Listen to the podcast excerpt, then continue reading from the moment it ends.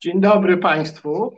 E, witam Państwa z odmentów roku 2022 e, z lutego e, czwartego. Jest piątek, godzina 17. Zaczynamy nadawanie na żywo kolejnej audycji z cyklu Mondrale, w której spotykamy się z tytułowymi mądralami, czyli profesorami, intelektualistami, twórcami. Bardzo serdecznie witam wszystkich naszych stałych słuchaczy. Wiem, że już takowych mamy, bo istniejemy ponad rok. Rozpoznaję te niki i nazwiska, które się tu przewijają na, na ekranie. E, witam też wszystkich, którzy słuchają nas e, bądź oglądają w przyszłości. Mm, być może również dalekiej. E, nasz program jest e, obywatelski, wolny. Jesteśmy małym, niezależnym mediów, jakich teraz wiele mm, i utrzymujemy się bardzo zresztą skromnie, bo pracujemy na wpół honorowo e, z Państwa datków, więc nieodmiennie o nie prosimy na zrzutce, na Patronite albo wprost na konto Mamy stronę internetową, która nie służy wyłącznie do reklamowania radia, ale jest właściwie już niezależnym portalem o nazwie Reset Obywatelski. Tam jest oczywiście nasz, nasz numer konta, e, bo o tym teraz mówię, ale tam jest mnóstwo różnych informacji i różnych wyjątków, wyimków z przeróżnych audycji, które nagrywamy. E, no i oczywiście jest też ramówka i jest dostęp do wszystkich poprzednich odcinków Mondrali. Dziękuję też panu Pawłowi z Rabarbaru, który nieodmiennie jest z nami i opiekuje się naszym e, programem. E, drodzy Państwo, nasz dzisiejszy gość jest profesorem i to nie byle jakim, nie byle czego, bo profesorem Oxfordu, e, St. Anthony's College w Oksfordzie. Jest prawnikiem, politologiem, a zwłaszcza europeistą, profesorem studiów europejskich. E, obecnie, jak mówię, no, Oksfordczykiem, e, ale dawniej Florentyjczykiem, bo był związany z European University Institute in Florence. Był też w Holandii, w Uniwersytecie w Leiden i pewnie w paru innych miejscach. E, tym gościem jest profesor Jan Zielonka, rodem z Warszawy, z Uniwersytetu Warszawskiego, od bardzo wielu lat za granicą e, przebywający. E, od niejakiego czasu znacznie bardziej niż dawniej obecny w polskim życiu publicznym, bardzo obficie komentującym dla polskich mediów wydarzenia bieżące zarówno w Polsce, jak i na arenie międzynarodowej. Y, myślę, że osoby, które y, lubią publicystykę Jacka Żakowskiego, znają profesora Zielonkę szczególnie dobrze, bo to właśnie Jacek Żakowski dba o to, żeby głos profesora Zielonki był słyszalny. Profesor Zielonka napisał też oprócz oczywiście artykułów, bo teraz to się głównie artykuły pisze, napisał trochę takich obszerniejszych prac, książek, y, między innymi y, kontrrewolucja e, liberalna e, Europa w odwrocie. Mm, e, również książkę o końcu Unii Europejskiej ze znakiem zapytania o perspektywie Y, Unii Europejskiej i Polski w Unii Europejskiej oczywiście sobie porozmawiamy. Ale ja bym chciał na początku zapytać pana profesora z, z zazdrości, jak zostaje się profesorem w Oksfordzie? Bo nie jest pan pierwszy, ale jest państwa, panów bardzo niewielu. Oczywiście wszyscy wiemy, że profesorem był Leszek Kołakowski w Trinity College, ale to, to były dawne czasy.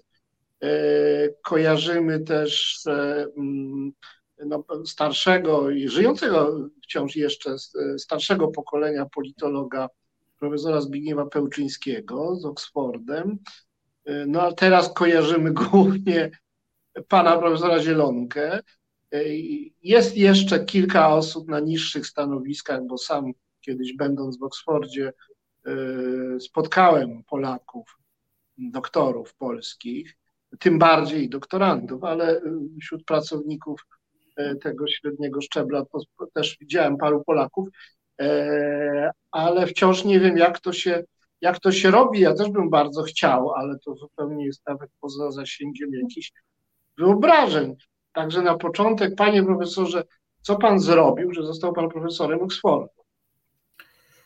E, proszę pana, to dosyć proste. E, e, trzeba wygrać konkurs. Żeby wygrać konkurs na Uniwersytecie Anglosaskim, trzeba złożyć też podanie, bo to nie jest tak, że zapraszają i coś podają na tacy. Chociaż w taki sposób też znalazłem się w Wenecji, skąd dzisiaj mówię, prawda, i spędzam wiele czasu, zwłaszcza w, czas, w czasie pandemii, właśnie, właśnie w tym innym średniowiecznym miejscu, ale do Oksfordu e, profesory się dostaje, bo się wygrywa konkurs i, i te konkursy wygrało niedawno mnóstwo wybitnych młodych Polaków, i nie tylko takich młodych, niektórzy są bardzo szanownymi profesorami. Jak pomyślę o takich ludziach jak, e, jak Dariusz Wójcik, który jest takim geografą spraw finansowych, czy, czy dwójka moich e, kolegów z Departamentu Polityki i Stosunków Międzynarodowych, Radosław Zubek, Zosia Stemplowska, Także jest sporo profesorów polskich. Jak ja przyszedłem, było ich mniej.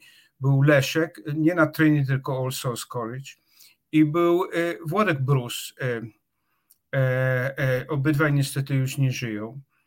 I, I, oczywiście był Zbyszek Pelczyński, który niedawno też niestety zmarł. Także ta, ta, ta wielka generacja już od nas odeszła, a ja sam już jestem na progu emerytury ale nie ma się czym martwić, bo, bo nie tylko są profesorowie e, e, e, na Oksfordzie dzisiaj, ale też jest mnóstwo studentów, jak, jak pan słusznie wspomniał. To jest bardziej polskie miejsce niż, niż, niż innych. I, i, I, to z jednej strony cieszy, ale z drugiej strony, wie pan, e, e, ponieważ mamy e, poglądy dosyć egalitarne, E, żeby być studentem w Oksfordzie, to musi ktoś za to zapłacić, prawda? Bo żeby zostać profesorem, to, to, ci, to jeszcze uniwersytet płaci, chociaż niekoniecznie najlepiej, ale żeby zostać studentem, to ktoś za to musi zapłacić, a uniwersytet w Oksfordzie nie jest taki szczodry, bo myślę, że ludzie chcą tam nawet z własnej kieszeni, czy z jakiegoś stypendium, które dostaną, przyjechać tak czy tak. E, i stąd czasami muszę powiedzieć, że jak, jak się mm, e, chodzi na spotkania polskich studentów w Oksfordzie, to ma się wrażenie, że jest to jakieś e, spotkanie klubu arystokratów, gdzie ja nie, nie, niekoniecznie czuję się w domu, ale, ale oczywiście to nie dotyczy wszystkich. Nie można uogólniać. Wstyd mi, że po pierwsze nie wiedziałem o śmierci profesora Pełczyńskiego, przykro mi z tego powodu. Ja zetknąłem się z nim e, również osobiście, bo on coś tam prowadził e, w, Warszawie, w czym ja brałem udział. E, nie miałem pojęcia, że jest tak wielu Polaków w Oksfordzie jako wykładowców. Cieszę się bardzo, znaczy tak wielu, rozumiem, że to może być dobrych kilku, E, no i też oczywiście przepraszam za pomyłkę, tak, Kołakowski był w All Souls College. Dla mnie to zresztą dosyć jest abstrakcyjne. To są nazwy, nazwy tych budynków. Tak, ja... system oksfordzki jest tak stworzony, żeby właśnie nikt tego z zewnątrz nie rozumiał. Ja zawsze mówię, że, że Unia Europejska ze wszystkimi swoimi komplikacjami jest, jest dosyć zrozumiała, e, e, jak się porówna z Oxfordem.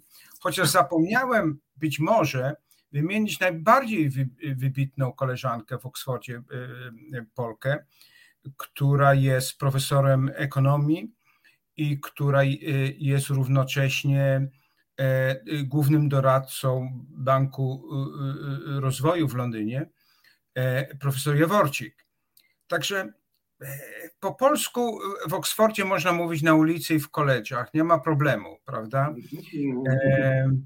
Gorzej jest z różnymi takimi nazwami, które Oxford stosuje, że nawet jak się zna angielski, to właściwie nie wiadomo o co chodzi, bo nigdy nie potrafiłem zrozumieć, dlaczego e, e, egzamin mówi, nazywa się Viva, dlaczego e, na przykład nie ma normalnych semestrów czy trymestrów, tylko jest Michael, Michael Term czy, czy Hillary Terms.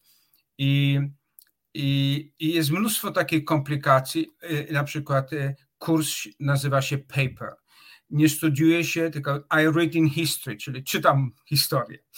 A na przykład teraz trochę jest Oxford zamerykanizowany, ale jak ja przyszedłem, to nawet nie było profesor. Y, jedna z najbardziej szanownych, nazwijmy to ekwiwalentów profesora, była na tym słynnym Christchurch College, gdzie, e, gdzie Harry Potter był kręcony. I, i, I tam e, najlepsza posada miała tytuł studenta Christchurch College, prawda? Tylko później to, to zamerykanizowano, bo, bo Amerykanie by nie starali, nie mogliby przyjechać do roboty w, w Oksfordzie na posadę studenta, prawda? I, i, i wprowadzono profesury tego i dzisiaj tak jak wszędzie na innych uniwersytetach prawie każdy jest profesorem. Ale mhm. dawniej to po prostu to było zupełnie inaczej. To, to w moim koledżu to nie był student, on się nazywał fellow, fellow of the college. Prawda? E, e, tak samo e, Leszek, który praktycznie w Source nie prowadzi wykładów, to, to, też był profesorem. Departamenty się nie liczyły. Dopiero w ostatnich latach to zamerykanizowano i to wygląda trochę inaczej ma to plusy i minusy. Ja nie mam żadnych sentymentów do tych różnych średniowiecznych, pseudośredniowiecznych i postśredniowiecznych urządzeń. E, e, nie tylko zresztą w Wielkiej Brytanii funkcjonujących, ale chyba w Oksfordzie najbardziej. Uważam to za mm, jakieś pretensjonalne anachronizmy, za jakiś teatr e, snobistyczny, taką E, zasłonę, e, kotarę, za którą się toczy banalne życie akademickie, a także za wabik dla mm, snobistycznych środowisk, e, które gotowe są płacić dużo za studia swoich dzieci. Nie lubię też w Oksfordzie tego rozbisurmanienia studentów, tego pijaństwa, tego jakiegoś poczucia wszechobecnego, jakiejś wyższości, wyjątkowości mm, e, tych, e, tych studentów. E, wszystko to mi się, proszę wybaczyć, ale mm, nie podoba.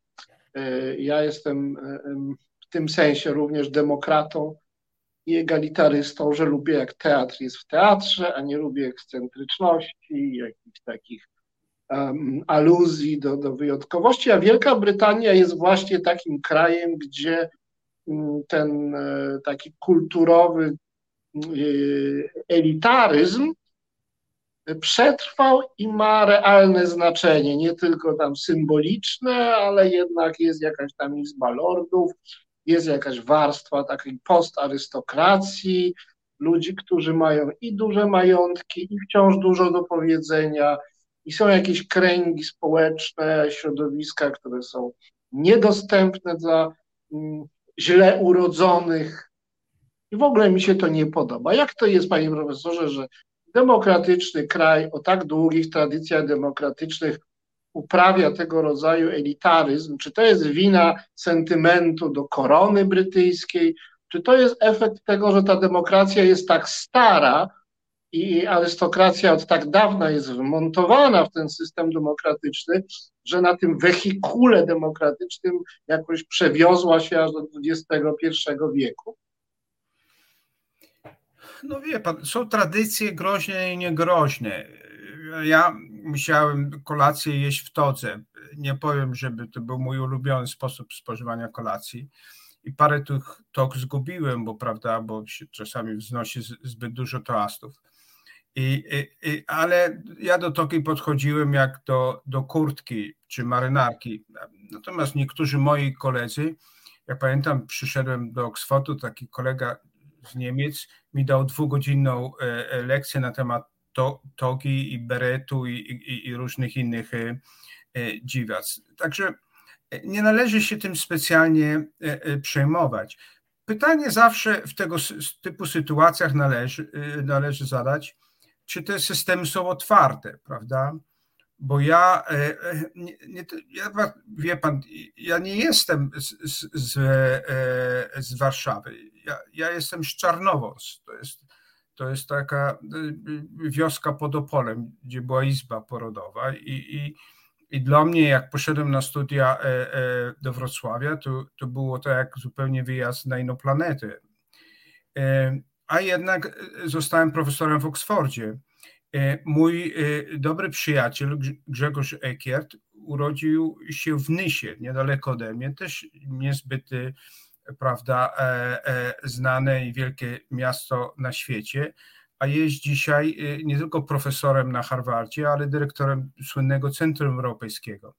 Także tak, to prawda, że, że, że Oxford sam jest taką, tak, taką siedzibą elity brytyjskiej i wiele osób płaci dużo pieniędzy za prawo, żeby uczestniczyć w kolacjach tam i prawda, i, i, i, i plotkować czy spiskować.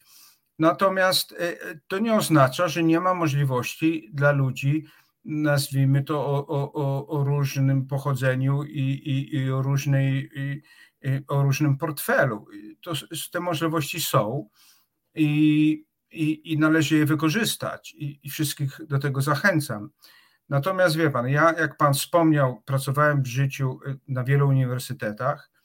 E, często nie z, z wyboru, często trzeba po prostu było przeżyć i, i zmienić kraj i uniwersytet, prawda? ale e, e, Oxford jednak był najbardziej profesjonalny. Znaczy, e, ja podzielam pański sceptycyzm co do, co do snobizmu i w szczególności takiego ostentacyjnego pijactwa w, w soboty, ale, ale nie, nie mogę kwestionować jakości intelektualnej, prawda? I, i to się liczy, prawda? I to jest chyba największa atrakcja tego miejsca. A wszystko inne, prawda? Niech się mnie pan o kuchnię w Oksfordzku nie pyta, bo pan zrozumie, dlaczego ja większość czasu spędzam we Włoszech. Po części, że mam żonę Włoszkę, ale po części dlatego, że mój żołonek odmawia e, e, e, trawienia e, pewnych posiłków, które są u, u, u, ulubione w, w, w, e, w Anglii. No dobrze, ale co z tym elitaryzmem brytyjskim w ogóle, z tą arystokracją, z tymi lordami? W całej Europie tylko tam się to na serio utrzymało. Y, y, czy to jest wynik starożytności y, brytyjskiej demokracji, która sięga XVII wieku? Czy to jest wynik naturalnej hierarchiczności tego społeczeństwa, które zjednoczone jest miłością do instytucji dworu i, i, i króla? Um, nie mogę dać jakiejkolwiek inteligentnej odpowiedzi na to, dlatego że nie jestem antropologiem e, e, czy znawcą kultury. E, nigdy się nad tym specjalnie nie zastanawiałem. Tradycje są wszędzie i tak zwane sieci są też wszędzie. One, one może się uzewnętrzniają zupełnie inaczej, ale one istnieją. Hiszpania na przykład jest świetnym przykładem tego, jak, jak jest podzielona z uwagi na, na pewne e, polityczne czy arystokratyczne historie poszczególnych osób. Pamiętam, jak kiedyś mi przyjaciel e, e, powiedział e, e, hiszpański, ilu było ministrów w gabinecie Aznara i, i Rachoja e, z rodzin, których mieli, którzy mieli ministrów w rządzie Franco. To po prostu szczęka opadła, prawda? tylko że o tym się do, zawsze nie wie. I u nas uważano i Aznara, i Rachoja za prawdziwych, prawda, europeistów, prawica zupełnie uznawana i nie jakaś taka, prawda, e, skrajna. E, a z kolei e, są sytuacje, w których niech pan weźmie rząd Berlusconiego i całą swoją elitę, która właśnie nie miała tych korzeni arystokratycznych i historycznych, która była taką grupą noworyszów, którzy się dorobili potwornych pieniędzy i którzy uważali i, i zmienili właściwie y, kulturę polityczną państwa w dużym stopniu. Wie pan, jak ja się ostatnio e, e, e, e, usłyszałem w telewizji, jak wybierano prezydenta, że ma nim zostać Berlusconi, który sam zgłosił swoją kandydaturę, to nie wiedziałem, czy się śmiać, czy płakać, prawda? E, a, a, e, ale była poważnie rozważana przez parę dni, zanim się nie wycofał, bo zrozumiał, że nie miał poparcia.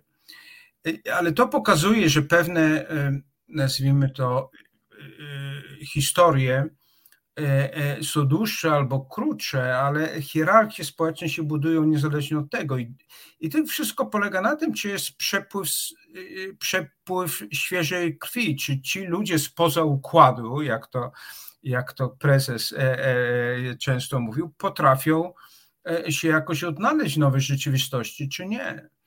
I, i Polska też żebyśmy się dobrze zrozumieli, jest bardzo rozwarstwiona i, i ja, który przyszedłem do Warszawy z zewnątrz, nigdy nie uważałem, że jestem częścią, nazwijmy, tej warszawskiej śmietanki. Mówi pan, że Polska jest rozwarstwiona. No pewnie to jest prawda w aspekcie ekonomicznym. Natomiast jeśli chodzi o jakieś Mm, konsensus społeczny odnośnie do jakiejś jednolitej, uznanej e, e, powszechnie hierarchii, to jednak nie. W Polakach bardzo silnie zakorzenił się jeszcze w PRL-u egalitaryzm. Nie ma żadnych e, wielkich nazwisk rodowych, nie ma żadnej arystokracji, nie ma mm, żadnych środowisk, które z racji swojej z racji kulturowych, z racji swoich zasług, e, zajęcia, wykształcenia cieszyłyby się uznaniem i prestiżem większości społeczeństwa. Na pewno nie jest takim środowiskiem niż środowisko profesorów. Jest to społeczeństwo raczej tak negatywnie egalitarne, bardzo wyczulone na wszelkie roszczenia do, do wyższości. Czy sądzi pan, że w tej takim negatywnym egalitaryzmie, bo w Polsce wszystko wolno poza wywyższaniem się, poza wręcz sugerowaniem, że mogłoby się być w czymś od kogoś lepszym, czy w tym negatywnym, resentymentalnym egalitaryzmie e, pańskim zdaniem jest jakaś szansa na, na budowanie demokratycznych stosunków, czy to jest po prostu nihilizm, który już trwale uniemożliwia powstawanie jakichkolwiek zdrowych elit, które mogłyby brać odpowiedzialność za kraj. Ja, wie pan, ja nie jestem przekonany, e, e, e, czy, czy pańska teza jest słuszna o egalitaryzmie. Kto jestem, żeby to oceniać? Ja mieszkam od 40 lat za granicą ale jak rozmawiam e, e, z politykami, na przykład bardzo szanownymi i z, z ostatniego rządu e, Platformy, takimi jak Sikorski czy, czy Rostowski, to mam wrażenie, że oni, on, oni mają arystokratyczne ambicje, prawda? Dworki, całe towarzystwo prawda, przyjaciół i tak. Nie znam ich na tyle, żeby ich oceniać i, i, i jestem bardzo ostrożny, żebym, e, żebym przyklejał komukolwiek naklejkę, ale mam takie wrażenie, że, że to są takie wybitne przykłady, trochę przeczący tezie pańskiej. Poza tym, ja wie pan, ja mam mieszkanie niedaleko takiego placyku na, na Mokotowie i, i, i są tam dwie cukiernie. I jak się przychodzi koło tych dwóch cukierni, to obydwie mają e, przepiękne zapachy i, i, i naprawdę e, drożdżówki są dosyć różne, ale, ale są w innym stylu przepyszne. W jednym drożdżówka kosztuje chyba z 15 zł, a w drugim e, kosztuje 3 zł.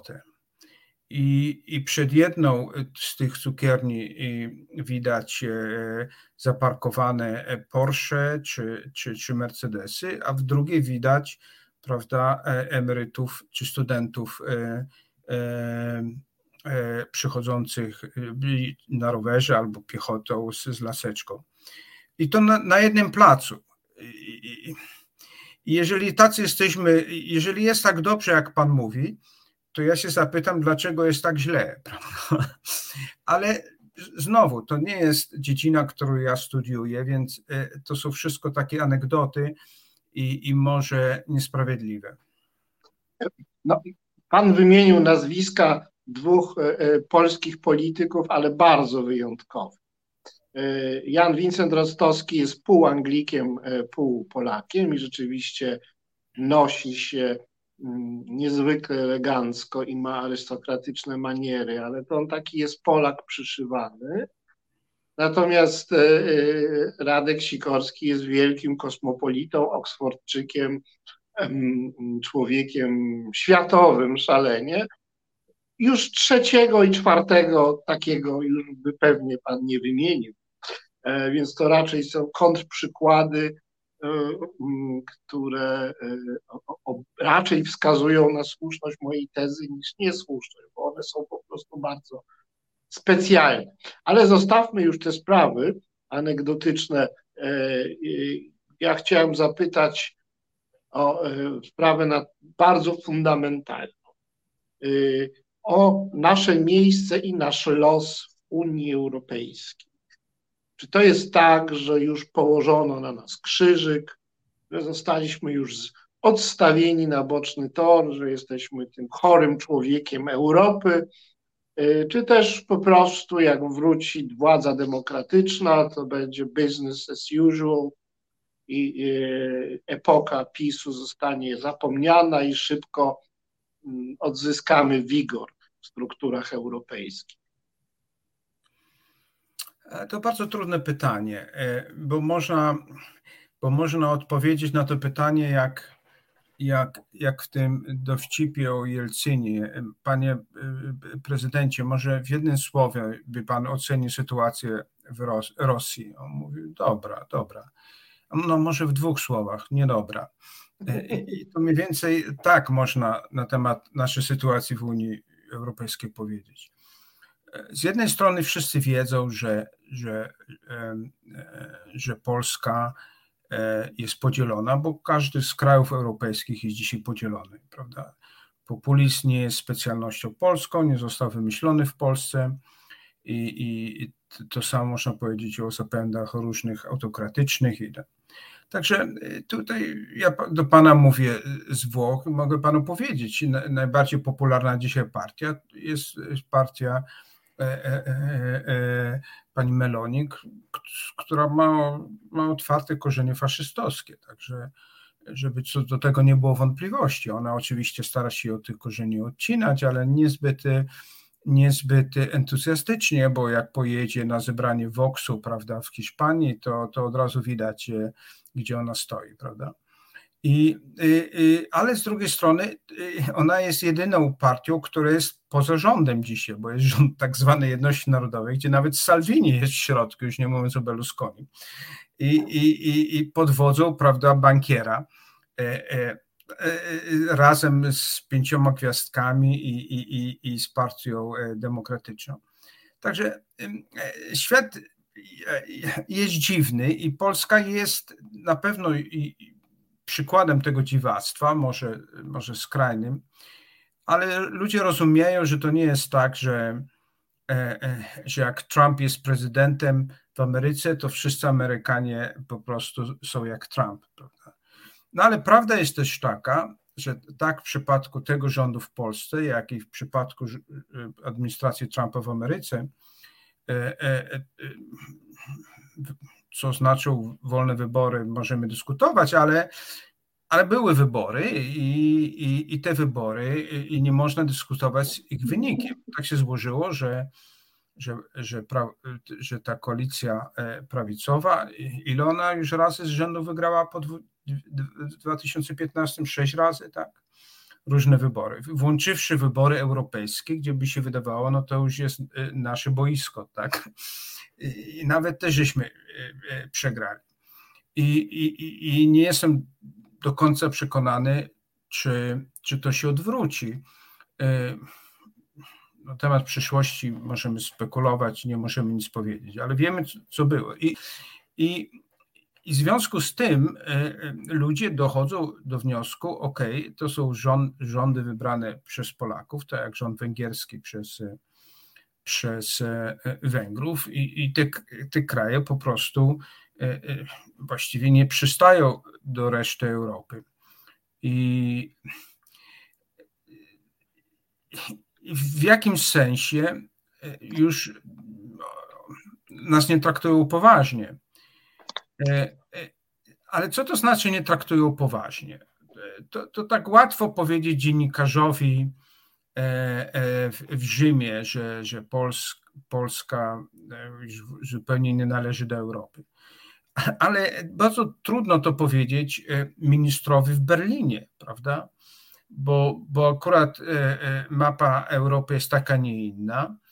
I, i jeżeli Polska będzie niestabilna albo w ogóle wejdzie ponownie w, w sferę e, dominacji moskiewskiej, to, to Niemcy stają się krajem, nazwijmy to, przygranicznym, to znaczy krajem, gdzie, gdzie, gdzie są najbardziej e, e, e, właściwie e, nastawieni na, na wszystko, na jakąkolwiek niestabilność, czy nawet agresję.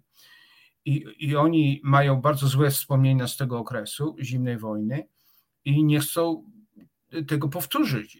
I stąd e, e, polityka pani Merkel, taka nie inna. Dzisiaj nie wiemy, jaka jest polityka niemiecka, za wcześnie, żeby powiedzieć, e, która, nazwijmy to, nie zawsze przypadała tym, którzy są w opozycji do rządu PiSu, do gustu.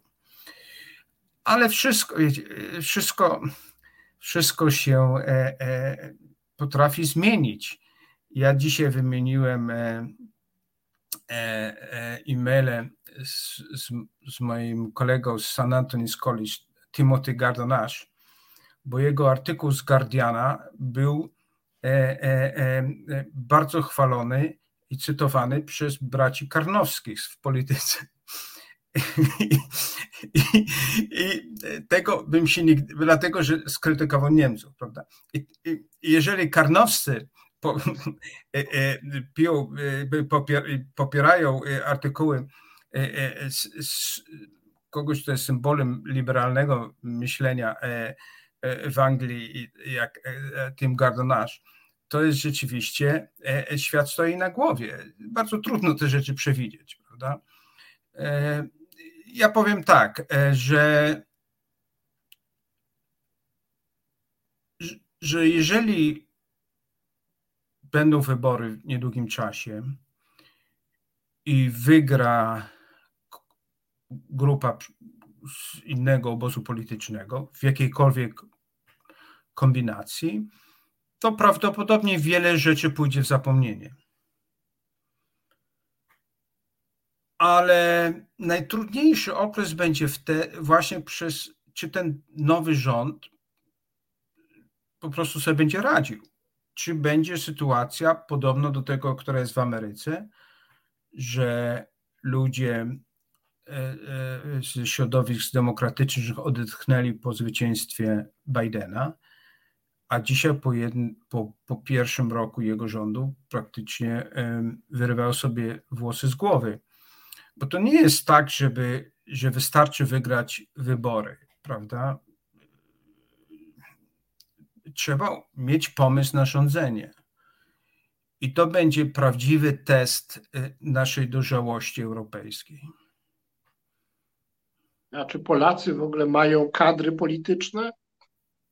No, nie, nie udało się stworzyć czegoś takiego jak zasób kadrowy e, to znaczy, polityczno-polityczne. E, e, czy mają kadry partyjne? Nie, ale każdy kraj, partie polityczne w każdym z tych, tych państw europejskich niestety, gdzie, gdzie, gdzie demokracja powinna być najsilniejsza, niestety partie polityczne są w żałosnym stanie. No, ja przez ostatni tydzień oglądałem we Włoszech kompletny cyrk polityczny z wyborem prezydenta przez parlament, gdzie, gdzie po prostu za, za, po prostu kompromitacja partii politycznych, które co jakiś czas dochodziły do porozumienia w sprawie nowego kandydata i, i, i, i to porozumienie się E, e, rozpływało jak śnieg e, prawda, na wzgórzach Golanu,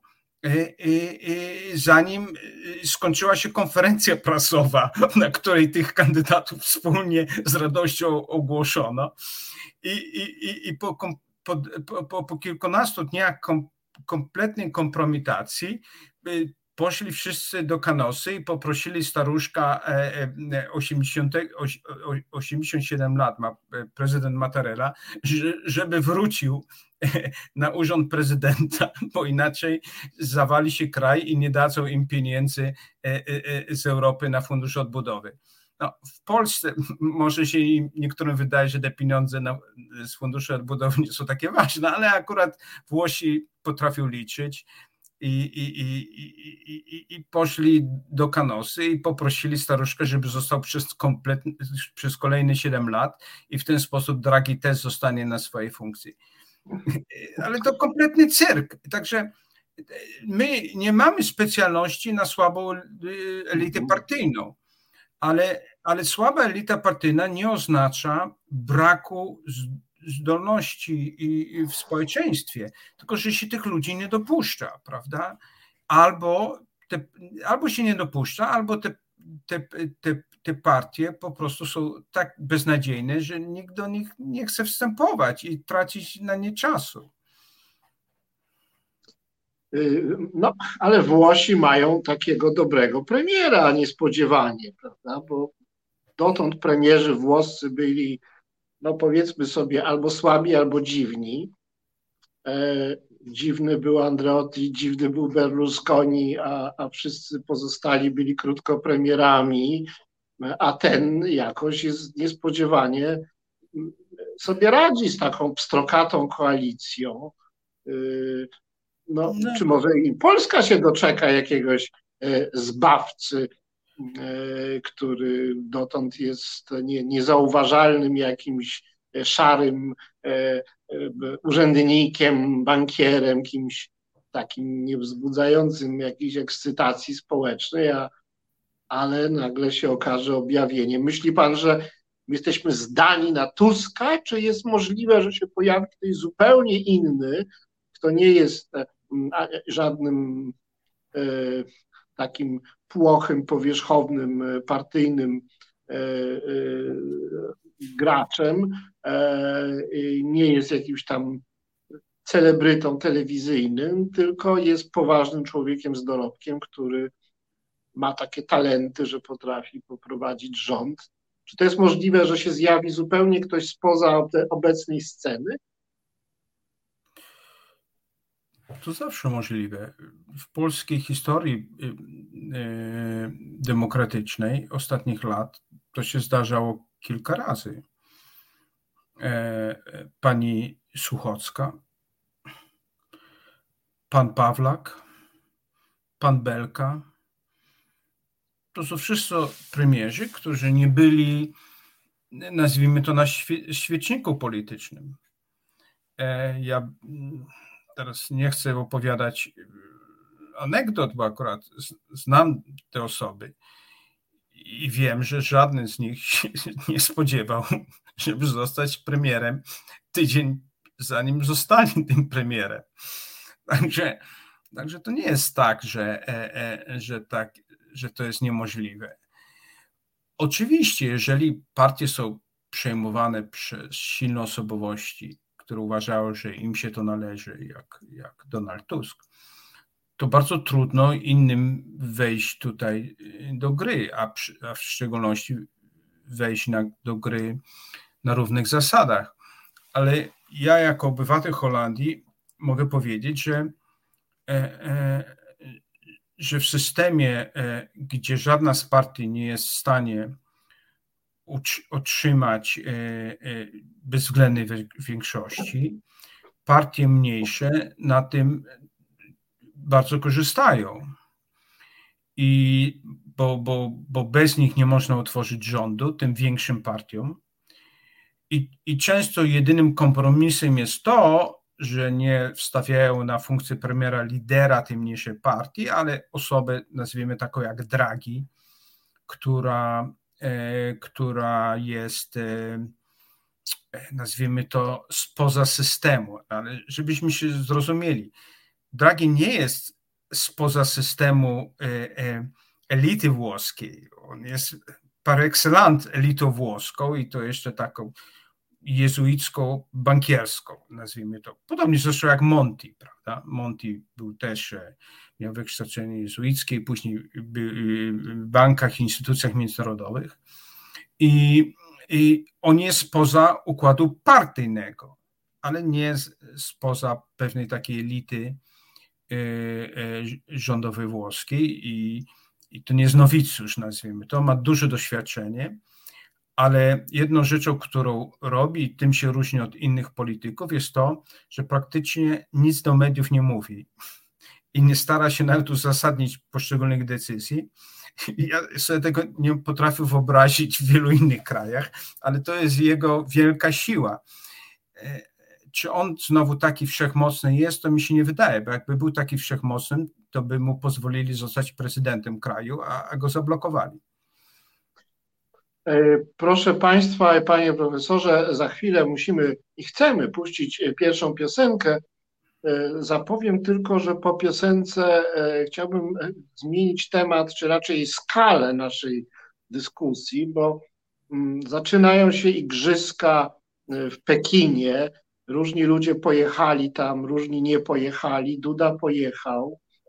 Mm, to jest ważny moment, żeby zadać pytanie o rolę Chin, zwłaszcza w obecnej kryzysowej sytuacji niedaleko nas, mm, o y, skalę taką ogólnoświatową, mm, o tą mapę polityczną y, globalną, która nam się jakoś w ostatnich kilkunastu latach e, mocno e, zmieniła. Ale teraz, e, drodzy Państwo i drogi Panie Profesorze, pierwsza nasza piosenka. Reset Obywatelski działa dzięki Twojemu wsparciu. Znajdź nas na zrzutka.pl. Drodzy Państwo, jesteśmy znów na antenie w rozmowie w Radiu Reset Obywatelski w programie Mondrale rozmowie z panem profesorem Janem Zielonką z e, St. Anthony's College e, w Oksfordzie, obecnie przebywającym w Wenecji, równie atrakcyjnym, a może zimą bardziej atrakcyjnym. Nie przebywającym, pracującym też, wykładam też w Wenecji. A no właśnie, no to już w ogóle. E, ja Ale ten chuligan miłości to rozumiem pan, nie ja. Ja jestem bardzo chętny do miłości, może w charakterze nawet chuligana miłości, byleby skutecznie. E, więc zazdroszczę, jestem widać zielony z zazdrości. Pan profesor wszędzie wykłada po całej Europie, może nie tylko. E, no a my tutaj siedzimy, no cóż, przy Wiśle, jak mówi e, klasyk. No i się przy tej Wiśle martwimy o świat. Świat się o nas nie martwi, więc my tym bardziej martwimy się o siebie. E, rozpoczęły się Igrzyska Olimpijskie w Pekinie, zimowe. Rozpoczęły się od e, uścisków Putina e, z wszechmocnym już chyba prezydentem, chyba już wręcz cesarzem chińskim Xi. Mamy dwóch cesarzy, chińskiego i rosyjskiego, którzy się ostentacyjnie bratają mm, bratają się przeciwko Zachodowi, przeciwko Ameryce i Unii Europejskiej, są w dużej mierze na siebie zdani. Aktualnie, mm, można powiedzieć, współpracują przy sprawie ekspansji rosyjskiej w kierunku Ukrainy, co jest jakąś prowokacją wymierzoną w Zachód. No, jeszcze kilka lat temu, panie profesorze, no nie mogliśmy takiego czarnego scenariusza sobie nawet wyobrażać. Sytuacja jest niebezpieczna. Sojusz chińsko-rosyjski to nie przelewki, bo to już nie jest trójkąt w tej geopolityce, tylko znowu jakiś taki się szykuje bipolarny układ Ameryka plus Europa z jednej strony, a Rosja z Chinami z drugiej strony. Czy, e, e, że tak powiem, pora już myśleć o emigracji na Księżyc? No na Księżyc niekoniecznie, bo tam specjalnie dużo życia nie ma. Ale pan, może nie chcę odciągać Panu od tego tematu, ale chcę Panu podsunąć, że może spojrzymy na politykę światową w innej perspektywie. Dlaczego? Jak upadł mur berliński, ja pracowałem jakiś czas w bardzo słynnym Instytucie Londyńskim Studiów Strategicznych. To jest taki największy think tank e, e, w świecie zajmujący się właśnie geopolityką i problem, problemami wojny i pokoju. I ja w, w tych czasach myślałem na temat polityki globalnej tak, jak pan to przedstawił przed chwilą, prawda? I zresztą na ten temat musiałem pisać, bo to mnie zatrudnienie, żeby zrozumieć, jakie są E, konsekwencje rozpadu Związku Sowieckiego, który się rozpadał na oczach wtedy. Ja pamiętam, jeden z moich przyjaciół, e, tam kolegów w tym instytucie, właśnie skończył książkę na temat armii sowieckiej, którą po prostu musiał wrzucić do kosza, bo Związek Sowiecki się rozpadł, prawda? Także e, to był czas, w którym właściwie toczyła się historia bardzo szybko. I ja też myślałem w kategorii, też jest takie dyskusje, czy to będzie mm, wielopoziomowy e, świat, czy to, czy to będzie tylko, mm, czy ten, ten świat się zamieni w wielobiegunowy, czy później był jakiś taki okres, że wszyscy myśleli, będzie jednobiegunowy, bo Ameryka będzie rządziła całym światem e, do końca e, ludzkości i tak dalej. I, i, I te dyskusje w dalszym ciągu się toczą. Ja, ja, ja w niedzielę słuchałem, jak zawsze, e, redaktora Sroczyńskiego i, i on miał gościa, prawda, który właśnie tutaj z, e, e, z, z, z Krakowa, który opowiadał, jak to, prawda, się tutaj ta biegunowość zmienia, zresztą nie po raz ostatni. I, I tak sobie pomyślałem, no, to jest trochę takie myślenie, nie, nie tyle prawicowe, ale moim zdaniem trochę przestarzałe. Bo jak mnie się pan spyta e, w, w, kategoriach światowych, nie w kategoriach e, kogoś, kto mieszka w Donbasie, prawda? E, ale w kategoriach światowych, to moim zdaniem wyzwania niekoniecznie są militarne, naj, najważniejsze, jeśli y, y, poza tym y, problem agresji terytorialnej prawdopodobnie nie jest naj, największym prawda, zmartwieniem, jest wiele innych zmartwień. I, i, I aktorami politycznymi niekoniecznie są tylko państwa i te mocarstwa wojskowe, prawda, jak, jak Chiny, Stany Zjednoczone czy, czy, czy Rosja. Dlaczego? My żeśmy widzieli Ameryka pod rządami Trumpa, ale, ale również teraz, mimo tego, że jest uzbrojona naprawdę po zęby, statystyki mówią, że nikim do pięt nie dorasta, ani Chiny, ani Rosja. Nie? I, i, i, i widzieliśmy, jak się wycofali z Afganistanu, prawda? Widzieliśmy, jaki bałagan zostawili na Bliskim Wschodzie, już nie mówiąc o, o, o cywilnych ofiarach tego wszystkiego, prawda? I, i, i to pokazuje, że, że takie myślenie geostrategiczne ma sw swoje granice, prawda?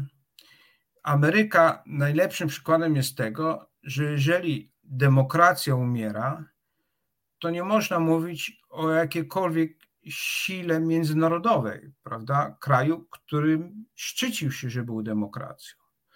To samo zresztą, jeśli chodzi o Unię Europejską.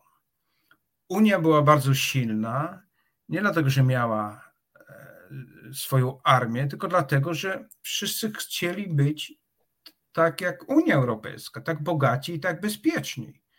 Tak samo było z Ameryką, prawda? Dlaczego Ameryka miała takie, takie e, poparcie w świecie? Nie tylko dlatego, że, że miała tą moc militarną, ale też dlatego, że była symbolem kultury, dobrobytu i życia, które, który, który Amerykanom zazdro, zazdro, wszyscy zazdrościli.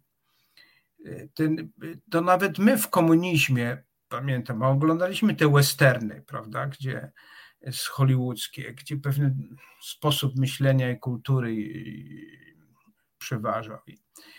I, i, i to pokazuje, że, że, to, że tak, to, to nie można powiedzieć, że to nie ma zupełnie znaczenia, bo, bo oczywiście Putin, Xi czy Biden w dalszym ciągu grają trochę na tej mapie strategicznej w szachy. Ale świat jest bardzo wielopoziomowy i sieciowy. To świetnie napisała książkę na ten temat Anne Marie Slaughter, która była szefem planowania strategicznego u, u Hillary Clinton, i, i, która pokazała, że ona to wszystko od kuchni widziała, jak to się dzieje. I, i w rządzie Obamy ludzie mieli świadomość tego, że mogą zrobić bardzo niewiele rzeczy sami, że, mu, że mogą być tylko skuteczni, jeżeli się połączą z NGO-sami, że się zbudują koalicje nie tylko państw, ale koalicje prawda, e, firm, e, e, ludzi, intelektualistów. Te, bo dzisiaj świat funkcjonuje zupełnie inaczej, że to nie jest tak, jak prawda, w XVIII wieku Metternich, prawda, usiadł, prawda, y, y, mógł manipulować różnymi rzeczami. Nawet wtedy to pewnie było mitem, bo to, to historycy dyplomacji tworzą te mity, wybierając jedne rzeczy z historii, a wrzucają do kosza inne. Ale, ale dzisiaj to jest dla mnie oczywiste, bo, bo nawet, no, możemy oczywiście uzbroić się po zęby, ale jeżeli, ale podstawowy problem polega na tym, że że na przykład sposób, w którym my y, napędzamy gospodarkę, kompletnie rujnuje środowisko naturalne na przykład. Że, że, że, że, jeżeli chcemy wydobyć tych ludzi, tak Chiny wydobyły z tych ludzi z, z, z biedy, ale tak zrujnowali środowisko naturalne, że w tym Pekinie, gdzie jest ta olimpiada, specjalnie nie ma czym oddychać. Nie wiem, czy pan był w Pekinie, ale ale tam przez dużą część roku naprawdę nie ma czym oddychać. Nie?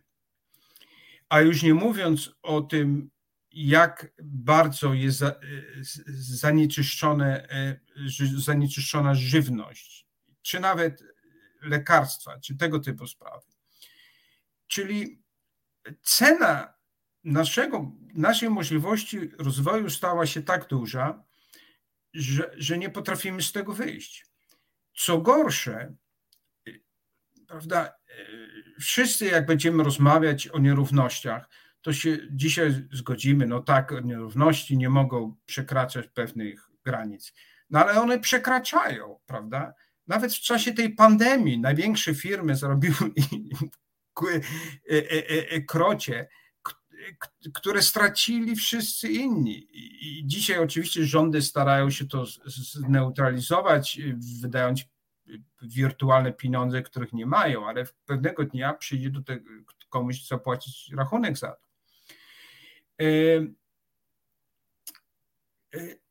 Nasz problem polega na tym, zwłaszcza w demokracjach, że te demokracje nie są w stanie zabezpieczyć ani konsensusu społecznego na dzisiaj, a już zupełnie nie są w stanie zapewnić minimum interesów przyszłych pokoleń. I to jest poważ, najpoważniejszy problem.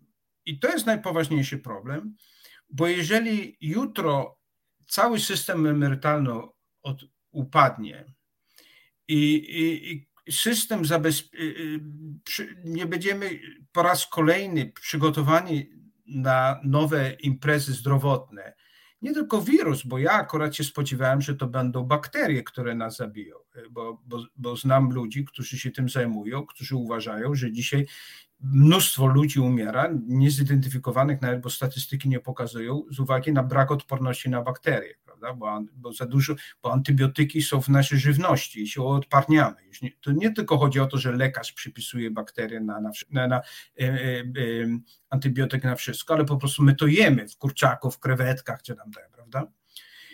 I że i, i tworzymy system, który, który, w którym tego już później się nie da nie da odwrócić się tego, nie da odwrócić. I, i nasze demokracje nie są w stanie bo, y, y, działać w sposób, który by zabezpieczyły tą przyszłość, bo perspektywa nie jest tylko czterech lat do wyborów. Perspektywa jest do następnego sondażu albo do następnej plotki społecznościowej, prawda? I, i ten imposybilizm, jak mówił nasz ulubiony prezes, jest podstawowym problemem nie tylko prezesa, bo, bo, bo, dla niego imposybilizm to jest taki, że nie można wyrzucić sędziego czy jakiegoś zdyscyplinować ministra.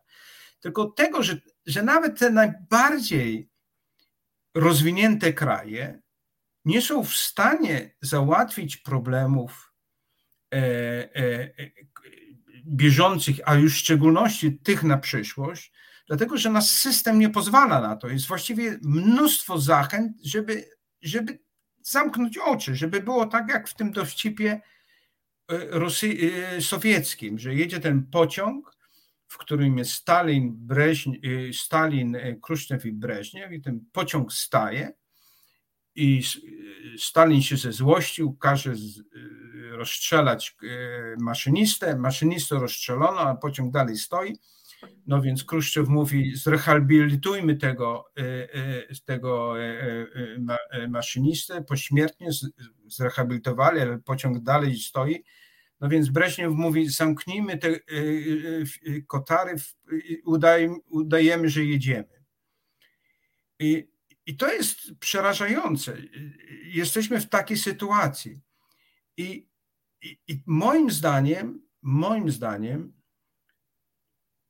i stąd piszę na ten temat książkę w mieście, które jest może właśnie Wenecją, najbardziej do tego stworzonym, że my straciliśmy kontrolę nie nad Rosją czy Chinami, straciliśmy kontrolę nad czasem i przestrzenią. Że po prostu to, co nas ogarnia dzisiaj, nie jesteśmy opanować, bo demokracja jest narodowa, czyli związana pełnym terytorium, a problemy są światowe, prawda? Większość tych problemów, które wspomnieliśmy, są ponadnarodowe. I że demokracja ze swojej natury dba o wyborców dzisiejszych, bo, bo przyszłe generacje nie mają głosu. I, I to jest po prostu, stworzyliśmy system, który jest kompletnie niewydajny, już nie mówiąc o tym, że jest kompletnie, nie da się tego zalegitymizować, bo, bo my możemy wrzucać, prawda, nasz głos do, do skrzynki wyborczej, ale wynik tego jest zawsze to samo. Można zmienić rząd, a nie politykę. Ja nie, dużo mówiliśmy, ten rząd obecny, prawda, nie jest e, e, może tak wydajny, jak, jak, jak powinien być, ale, ale jest tak neoliberalny jak poprzednie. Właśnie nie kwestionują żadnych zasad pewnej gospodarki, który już tutaj, prawda, nawet gdzie się ten neoliberalizm urodził, zaczynają od tego powoli odchodzić.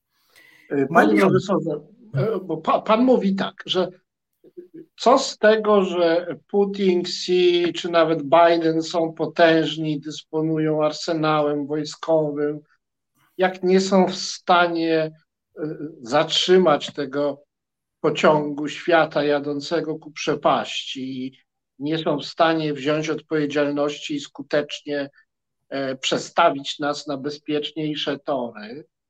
Mówi pan, że demokracja nie jest też w stanie zmienić polityki. E, to proszę powiedzieć w takim razie, czy w ogóle jest jakiś scenariusz, no, w jaki sposób może powstać taka globalna sieć współpracy i odpowiedzialności za przyszłość planety i przyszłość ludzkości, i czy w tworzeniu tej sieci może jest miejsce dla demokracji, czy też ma to być projekt technokratyczny, czy wręcz autorytarny. Wie pan, e, e, pa, pańskie pytanie jest jak najbardziej uzasadnione, ale wie pan, czy pan kiedykolwiek rzucił e, wagę, bo, bo kupił na lotnisku książkę jak rzucić 3 kilo na tydzień, trzy sposoby rzucenia 3 kilo na tydzień. Albo czy pan kiedyś dorobił się jakiś, prawda, pieniędzy, bo przeczytał pan książkę 10 sposobów, jak, e, jak zostać milionerem e, e, w ciągu roku, tak? A, a pan mnie się pyta, nie jak poprawić los jednostki, tylko świata, społeczeństwa, prawda? To, to nie, zacznijmy od tego, że to nie jest tak, że, że możemy powiedzieć, jak to gazety lubią pisać, prawda? Jeden, dwa, trzy. To są sposoby na rozwiązanie tego. Nie ma. Po drugie, jeżeli jesteśmy demokratami, to nie jest tak, że ja mam po prostu słuszny pogląd na wszystko i trzeba go e, zrealizować, prawda? Nie. Demokracja musi, demokracja musi budować alternatywy, musi budować dialog i musi w jakim stopniu e, e, pozwolić na przetarg, który nie skończy się e, wojną cywilną, prawda? Więc na tym polega, czyli problem polega nie tyle na znalezieniu, na, na opisaniu nowej utopii, tak? Tylko problem polega na tym, żeby znaleźć mechanizm dochodzenia do jakiejś utopii. I, I, ja wiem, że to może, może być nie e, rozczarowujące. Ja pamiętam, Bauman zawsze mówi, że świat bez utopii nie ma sensu, prawda? Tylko moim zdaniem trzeba mieć pewną wizję, ale nie można zakładać, że moja wizja jest najlepsza. Możemy stworzyć system, w którym będziemy dochodzili do lepszego świata inaczej.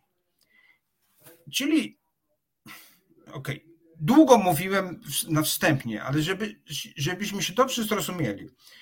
Ja, ja nie wierzę tym, którzy jutro przyjdą z programem politycznym, żeby tutaj w ciągu 365 dni zrobić Polskę silną i bogatą, prawda? E, natomiast jeżeli demokracja jest problemem, to co trzeba zrobić? Trzeba przede wszystkim stworzyć, żeby demokracja nie była ograniczona do, do granic. Bo system suwerennych, suwerennych państw, które same sobą zarządzają, jest systemem permanentnego egoizmu bo pan jako polityk ma zobowiązania w stosunku do swoich wyborców, a nie tam innych, prawda? Po drugie, system demokracji państwowej sam z siebie nie jest w stanie dział- generować zmian właściwych w tempie, w którym my dzisiaj to robimy. Nie jest, bo jest zbyt sztywny, biurokratyczny, zbyt. Czyli musimy stworzyć system, właśnie, i stąd mówiłem o sieciach, w którym nie tylko państwa mają legitymację i możliwość decydowania, tylko inni aktorzy. To ten nowy system nie będzie polegał jak na, na demokracji kosmopolitycznej, jak, jak moi koledzy, bo, bo ja nie wierzę, że tu parlament światowy coś rozwiąże. Parlament narodowy nie zdaje egzaminu. Jak popatrzy pan na, na opinię, badanie we wszystkich krajach, parlamenty praktycznie są na dole, jeśli chodzi o zaufanie polityczne, prawda? Ale ten system przynajmniej podzieli władzę, da możliwość różnym aktorom na różnych poziomach, prywatnym i publicznym, żeby prowadzić ten dialog i przetarg. Ja widzę to w taki sposób, prawda? I, i, i to nie jest, znaczy, pięć punktów, jak to rozwiązać, ale stworzenie, rozbicie tego monopolu, moim zdaniem, państw na decydowanie jest, jest pierwszym warunkiem. Teraz tak, żebyśmy się dobrze zrozumieli. Gdyby państwa narodowe sobie dawały radę, to ja bym z tym nie wychodził, prawda? Ale sobie nie dają rady. I jest paradoks dzisiejszy jest taki, że czym sobie mniej dają radę, to jest ostatnie zdanie, bo, bo wiem, że mówię za długo, czym sobie mniej dają radę, tym więcej starają się monopolizować władzę. Cały ten ruch suwerenizmu dzisiaj, żeby tutaj, tutaj wracamy do państw, zamknąć granice i tego, nie będą nam inni tego mówili, Unia Europejska nam nie będzie mówiła, prawda, co robi, czy tam jakiś ONZ, prawa człowieka, skończmy z tym. To jest, to jest ten paradoks, bo te państwa są coraz bardziej niewydolne i coraz bardziej są y, wyizolowane od społeczeństw swoich, bo kogo dzisiaj te partie reprezentują? Pff, prawda? Nie mają żadnych korzeni, prawda? Ale czym bardziej są one słabe i niewydolne, tym więcej mają aspiracji, żeby mieć monopol. I żebyśmy się też dobrze zrozumieli, to dotyczy również organizacji międzynarodowej, bo kto kontroluje Unię Europejską? Ja już nie mówię o ONZ-cie. Państwa narodowe. Ja, I nie tylko, że, że, że kontrolują, ale nie dają im możliwości nawet działania. Ja niedawno rozmawiałem z zastępcą sekretarza generalnego ONZ-u, jeśli spytałem, no co robisz na co dzień? A mówi, zbieram pieniądze. Ja mówię, no jak to zbierasz pieniądze? Przecież państwa płacą składki a większość z nich nawet nie, nie płaci tego, co mają, a poza tym to zupełnie nie wystarcza na to, co, co nam każą robić, co trzeba robić. Więc ja rozmawiam z firmami, ja rozmawiam z NGO-sami, ja rozmawiam z ludźmi, żeby zdobyć w ogóle jakieś pieniądze, żeby coś zrobić dobrego. Czyli nie no, że nie pozwalają tym organizacjom międzynarodowym coś robić, to jeszcze, prawda, ilekroć oni chcą na przykład coś poza, prawda, kontrolą państw zrobić, to ich obcinają od, od razu państwa narodowe, rozwijała się dy, dy, dyplomacja miast. To teraz wszystkie państwa starają się to zamknąć, prawda? I, to jest w ogóle niesamowite. I jak się tego systemu nie otworzy, jeżeli się tej nie stworzy jakieś innego, nie wymyśli na nowe demokracje, to moim zdaniem jesteśmy ugotowani. I to w sposób dosłowny, jeśli jesteś ekologiem, a w sposób, y, prawda, przenośny, jeżeli masz inne zainteresowania? No, to nie jest kwestia zainteresowań, przegrzanie ziemi, katastrofa klimatyczna to są realia. Jak się ktoś tym nie interesuje, to rzeczywistość go przywoła do porządku za 20 lat. Czasu jest bardzo mało. Pan mówi, że państwa są niewydolne y, i zaplecze polityczne państw, czyli system demokratyczny, parlamentaryzm, partie polityczne są niewydolne. To wszystko prawda. Oczywiście państwa nie chcą oddać e, e, nic ze swojej władzy, trzeba im tę władzę zabrać. To wymaga czasu. Liczymy na to, że e, powstanie sieć wielkich miast. Liczymy na jakieś reformy wielkich organizacji międzynarodowych. Pewnie też liczymy trochę na, na to, że korporacje największe staną się bardziej e, etyczne i obok zysków będą też prowadziły jakąś odpowiedzialną politykę. E, e, no ale do tego wszystkiego jest jeszcze strasznie daleko, a w procesach tym, tych będą na pewno najsilniejsi gracze raczej przeszkadzać. No ja sobie jak patrzę na tą czwórkę najsilniejszych ludzi na świecie, prawda? Xi, Biden, Putin, Modi.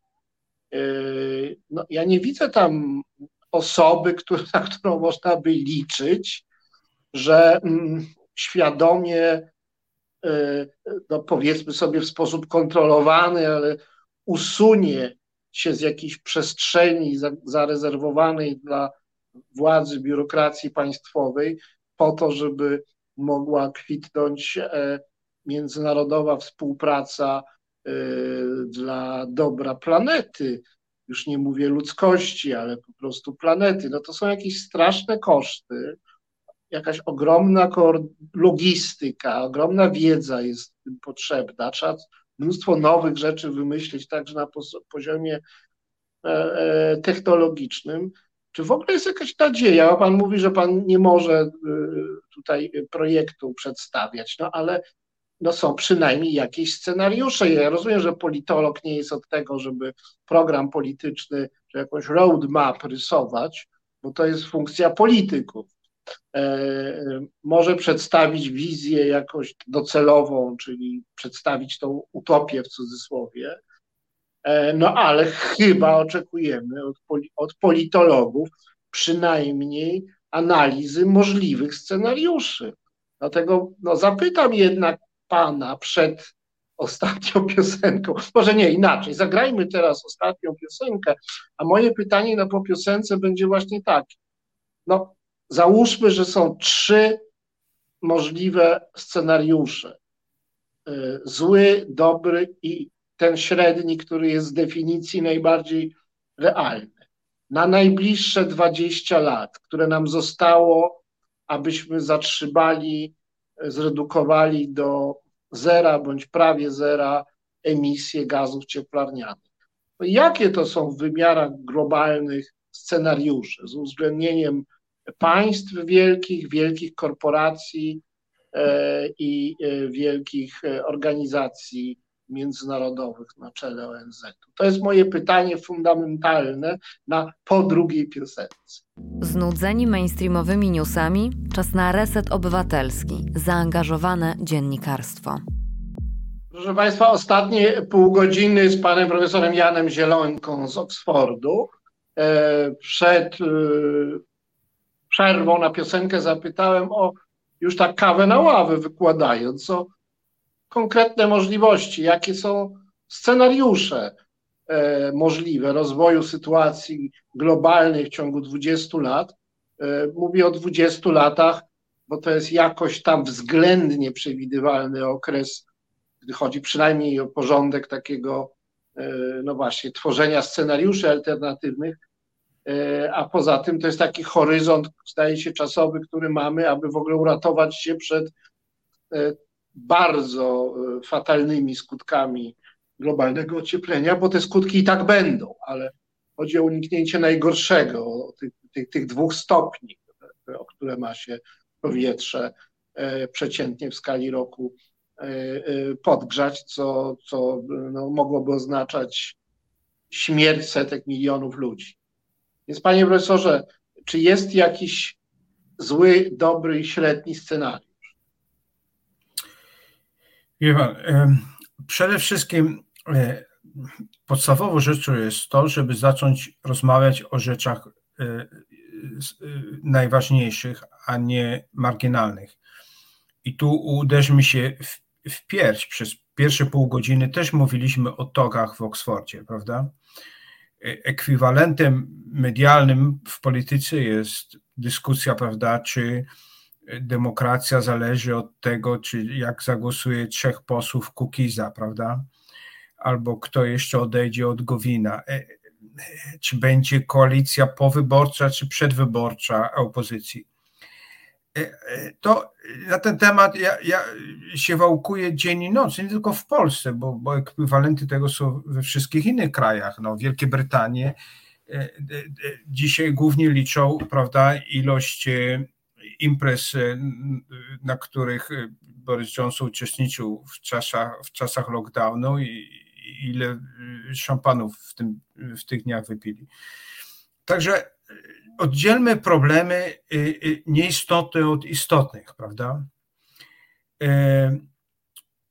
Po drugie, nawet w ramach tych istotnych, nie koncentrujmy się na, na tym, co Bill Gates nazwał wojną, na, żeśmy wydawali pieniądze na, na wojnę przyszłości, a nie na tą, którą trzeba, czyli na wojnę z COVID-em, a nie na e, wydawanie pieniędzy na uzbrojenie nuklearne, bo żeśmy wydawali miliardy na zbrojenie nuklearne, się okazało, że COVID e, e, zabił miliony ludzi i, byliśmy po prostu zupełnie bezbrodni, a mogliśmy się dużo lepiej na to przygotować, prawda?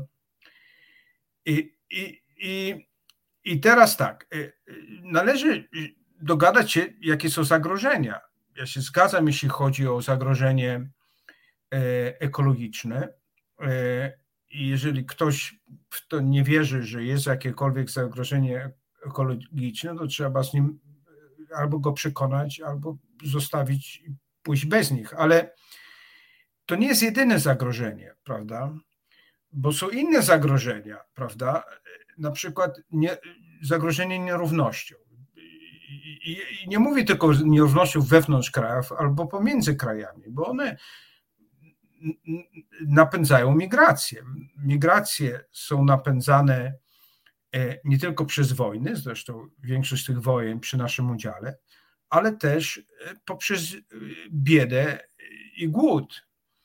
I, i idea, że my po prostu będziemy płacić dyktatorom naokoło Europy pieniądze, żeby trzymali tych ludzi w obozach e, swoich i, i, to pozwoli nam uniknąć migracji, będziemy sobie żyli tutaj jak na bezludnej, no, prawda, na jakiejś idealnej wyspie, jest po prostu dla ptaków. Już nie mówię, że to jest kompletnie niemoralne, ale to jest, to jest po prostu kompletnie obłędna polityka, którą dzisiaj prowadzą demokracje, prawda? Demokracje. E, e, kolejnym problemem jest, e, jest kwestia demokracji, która mnie najbardziej interesuje. Bo możemy oczywiście rozmawiać godzinami, prawda, na temat tego, który organ państwowy ma, ma wybierać sędziów czy nadawać ordery, albo który, jaka ordynacja wyborcza lepiej sprzyja naszym. Ale podstawowy problem, jak chciałem powiedzieć, jest to, że monopol, że jedyną demokracją, którą znamy, jest właśnie w państwach narodowych i, i te państwa narodowe nam przeszkadzają właściwie w robieniu tego, co powinniśmy. Ja wiem, że to, że, że mówienie o państwie narodowym w Polsce to jest bardzo ryzykowna rzecz, bo jest konsensus do tego, że Polska, która nie miała tego państwa narodowego, musi bronić tego państwa za wszelką cenę, i to lewica i prawica tak mówi, ale mnie się wydaje, że to jest podstawowy problem dzisiaj, że e, to nie tylko dlatego, że, e, że, ta demokracja nie funkcjonuje poza państwem narodowym, ale też dlatego, że również organizacje międzynarodowe nie funkcjonują. Przecież ironią losu jest to, że integracja europejska, która miała zostawić y, y, y, prawda, e, te demony nacjonalizmu w, w książkach historii, doprowadziła do ogromnego renesansu nacjonalizmu w Europie. No, jeżeli sobie z tego nie zdajemy sprawy, to, to, to rzeczywiście musimy być trochę ślepi. A niestety nawet moi przyjaciele liberalni sobie z tego nie zdają sprawy, prawda? Bo im się wydaje, że wystarczy wyrzucić rządu populistów i wszystko będzie w Europie dobrze. No niestety nie będzie dobrze. No. E, bo, bo, są inne problemy też. E, e bardzo chętnie bym się pozbył populistów, ale nie mam nadziei, że, że, że to rozwiąże problemy.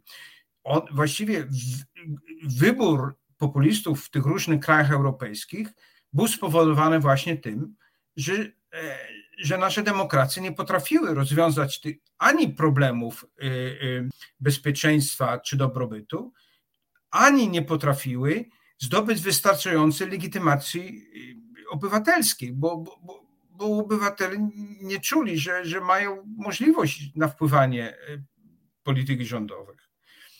I, I w moim przypadku ja kładę palec na to, żeby, żeby prawda, jeżeli chcemy większość tych roz, roz, systemowo rozwiązać wiele tych, tych problemów, to ja chcę stworzyć system, który będzie wystarczająco elastyczny, partycypacyjny i, i skuteczny.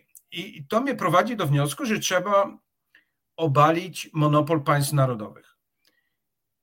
Ale jak jest się marksistą, to, a takich jest wielu kolegów moich y, na Zachodzie, to oni wierzą, że to nie demokracja y, jest największym problemem, tylko kapitalizm największym problemem.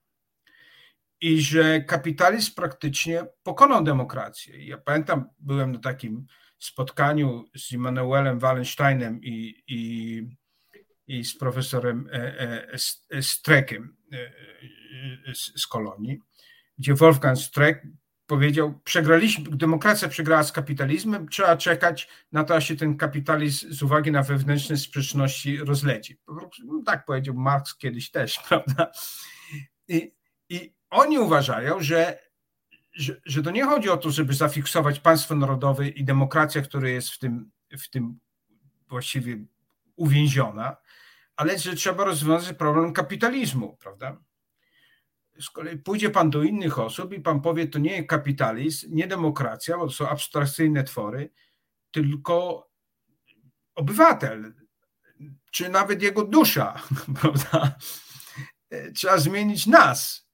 I, i, i wszystkie te perspektywy można przełożyć na, na różne konkretne działania, bo jeżeli pan uważa, że, że klimat y, y, można, zmiany klimatyczne można zatrzymać przez nas, a nie poprzez zmiany demokracji czy obalenia systemu y, kapitalizmu, jaki mamy, turbokapitalizmu, prawda, który prowadzi do samozagłady, to co? To musimy przestać, prawda, jeść mięso, musimy przestać ogrzewać mieszkania e, e, węglem i nawet gazem, to musimy przestać, prawda, e, i zacząć od siebie, prawda? Przestać jeździć samochodami, a już nie mówiąc samolotami. A jeżeli się uważa, że, że to nie wystarczy palcem na Kowalskiego, tylko trzeba patrzeć bardziej systemowo, to musimy zajmować innymi rzeczami. I, i, i moja nadzieja jest taka, że zdołamy się opamiętać, zanim się to wszystko walnie. Ale, ale niestety ta nadzieja jest coraz bardziej płonna, bo, bo w ostatnich latach narosło tyle problemów, że kumulacja jakiegoś starego konfliktu zbrojeniowego połączeniu z eksplozją niezadowolenia, którą cena tego konfliktu przyniesie na społeczeństwa i wybuchem prawda, niezadowolenia tym, że te systemy nie funkcjonują, plus wirusami i, i, i powodziami, które nieuchronnie będą temu towarzyszyły, bo to są procesy, nazwijmy to naturalne, one doprowadzą do sytuacji, która może być bez wyjścia, ale co znaczy bez wyjścia? W czasie czarnej śmierci, która najbardziej uderzyła Wenecję w, w, średniowieczu, e, która przyszła też z Chin, prawda, zginęło 20, 5 milionów Europejczyków to jest jedna trzecia obywateli. Możemy powiedzieć, przyszliśmy to, ale suchą ręką nie przyszliśmy. Ja nie wiem, gdzie ta wojna tym, obecną pandemią się skończy. Nie wiem, bo ja widzę, że my praktycznie już się poddajemy. E, e, nawet w krajach, gdzie tak Włochy, 90% jest zaszczepionych. E, I po prostu my tylko mamy nadzieję, że te nowe warianty y, będą łagodniejsze z uwagi na, na szczepionki, ale nie mamy nawet takiej gwarancji, a, a dzienny dzisiaj zdaje się 500 osób we Włoszech, prawda? W sytuacji, kiedy to jest kraj, gdzie już większość starych, słabych osób zmarło. Ja mówię o tym dlatego, że, że jak słucham naszych debat politycznych y, w mediach w Polsce, we Włoszech, to mi się wydaje, że my mówimy o problemach zastępczych i nie zdajemy sobie sprawy z tego, że to się wszystko może, jak u nas na podwórku mówili, pierdyknąć, bo będą równocześnie różne kataklizmy, których nie będziemy w stanie opanować. I, i, i ta idea, że, że, że jakoś z tego wyjdziemy, jak w tym hollywoodzkim e, filmie, który się jakoś niespodziewanie dobrze kończy, nie jest specjalnie przekonywująca. Tyle tylko, że ja już jestem stary. Jak, jak, jak mówi dowcip, ja mam raka, już się nie boję. Mnie martwi pokolenie moich synów i moich studentów, bo jak oni sobie z tym poradzą, nie wiem, ale wierzę, że mają inteligencję, wykształcenie i, i, i siłę, żeby być lepszymi od naszego pokolenia. No cóż, dzieci profesorskie sobie pewnie lepiej poradzą niż inne dzieci. E, kreśli pan scenariusz czarny, nie e, trzy scenariusze, ale jeden slippery slope, na który już się posuwamy w dół. E, I ratować się będziemy wtedy, kiedy już będzie katastrofa, czyli tak jak z pandemią. Nie zapobiegliśmy, nie przygotowaliśmy się, nie mieliśmy magazynów e, z maseczkami opracowanej logistyki światowej, dystrybucji szczepionek, umów międzynarodowych itd., tak itd., tak miejsc szpitalnych i rezerwowych respiratorów. Nic nie robiliśmy e, przez te lata, kiedy ostrzegali nas epidemiolodzy, że może być kolejna jakaś epidemia. E, no i teraz się uczymy. No i będziemy mądrzy, mądrzy po szkodzie, tak? Czyli katastrofa przyjdzie i w tej katastrofie będziemy się ad hoc ratować. I rozumiem, że no już były wielkie katastrofy. Największa, przypomnę, to była Hiszpanka, bo to była jedyna epidemia dotąd globalna. Y, zginęło 5-6% ludzkości. No to teraz jak nas dopadną te wszystkie kataklizmy, to może będzie i więcej, może będzie kilkanaście, może 20% ludzkości wyginie. Stracimy jakieś ogromne terytoria, będziemy żyć gdzieś indziej, przebuduje się wszystko i to będzie trwało dekady. No tak rozumiem ten katastroficzny, tę katastroficzną wizję. Czyli, panie profesorze, to nie ma co do ludzi, do ludzi mówić, E, e, don't look up, bo i tak nie będą patrzeć w górę. Ludzie zawsze patrzą na swój krótkookresowy interes, tak? Nie, to, to, to nie chciałem to powiedzieć. Chciałem powiedzieć tego, żebyśmy sobie zdawali sprawę, co jest ważne, co nie jest ważne. I ja nie wiem, co się wydarzy w przyszłości, prawda? Bo na temat przyszłości możemy tylko spekulować. Ja wiem, że są przesłanki, że wiele rzeczy się może rąbnąć, które nas zabolą w sposób zdecydowany jako społeczeństwa. I uważam, że należy się obudzić i zacząć rozmawiać o ważnych sprawach i mobilizować się, żeby je rozwiązać. A, a my rozmawiamy, nazwijmy to o duperelach. Tam, że tam X coś tam kogoś zakablował i media z tego robią wielką sensację. Że tam, prawda, ci, ci Xi z Putinem, prawda, sobie tutaj spiskują. Oni oczywiście spiskują, politycy zawsze spiskują. Ale ja nie wiem, czy nawet Chiny, które odniosły taki ogromny sukces w ostatnich latach, ja nie wiem, czy one jutro przetrwają, bo, bo ten sukces doprowadził, do, jak mówiliśmy, do ogromnej, e, e, e, do ogromnych nierówności, do, do, do demograficznego niżu, do, do kompletnego zrujnowania środowiska i do społeczeństwa, które, które przestaje myśleć samodzielnie, prawda? I, i, i, i ja nie wiem, czy, czy to jest recepta na sukces. E, e, e, można powiedzieć, że tak, jeżeli my, patrzymy na ostatnie lata, ile jednak ludzi wyszło z biedy i, i jak statystyka makroekonomiczna ich na mapie świata wyszczeliła do góry. Ale to nie znaczy, że, że to będzie trwało jutro, bo ja, ja, ja widziałem wiele mocarstw upadających z dnia na dzień. Ale ja nie chcę na ten temat spekulować. Tym bardziej, ja nie mówię, że jak oni upadną, to będzie lepiej, bo jak upadają mocarstwa, to jest zawsze tego prawda, e, cena. Ja tylko mówię, żebyśmy przede wszystkim przestali tylko myśleć w kategoriach XIX-wiecznych takich strategii gry, gry w szachu pomiędzy mocarstwami, gdzie siła militarna jest najważniejsza, i żebyśmy zaczęli również myśleć w sposób no, nowy na temat społeczeństw i demokracji. Bo, bo ja chciałem dzisiaj w ciągu tych półtorej godziny y, y, przekazać, że moim zdaniem system, w którym my podejmujemy y, wspólnie decyzje, czyli demokracja, nie odpowiada światu, w którym żyjemy.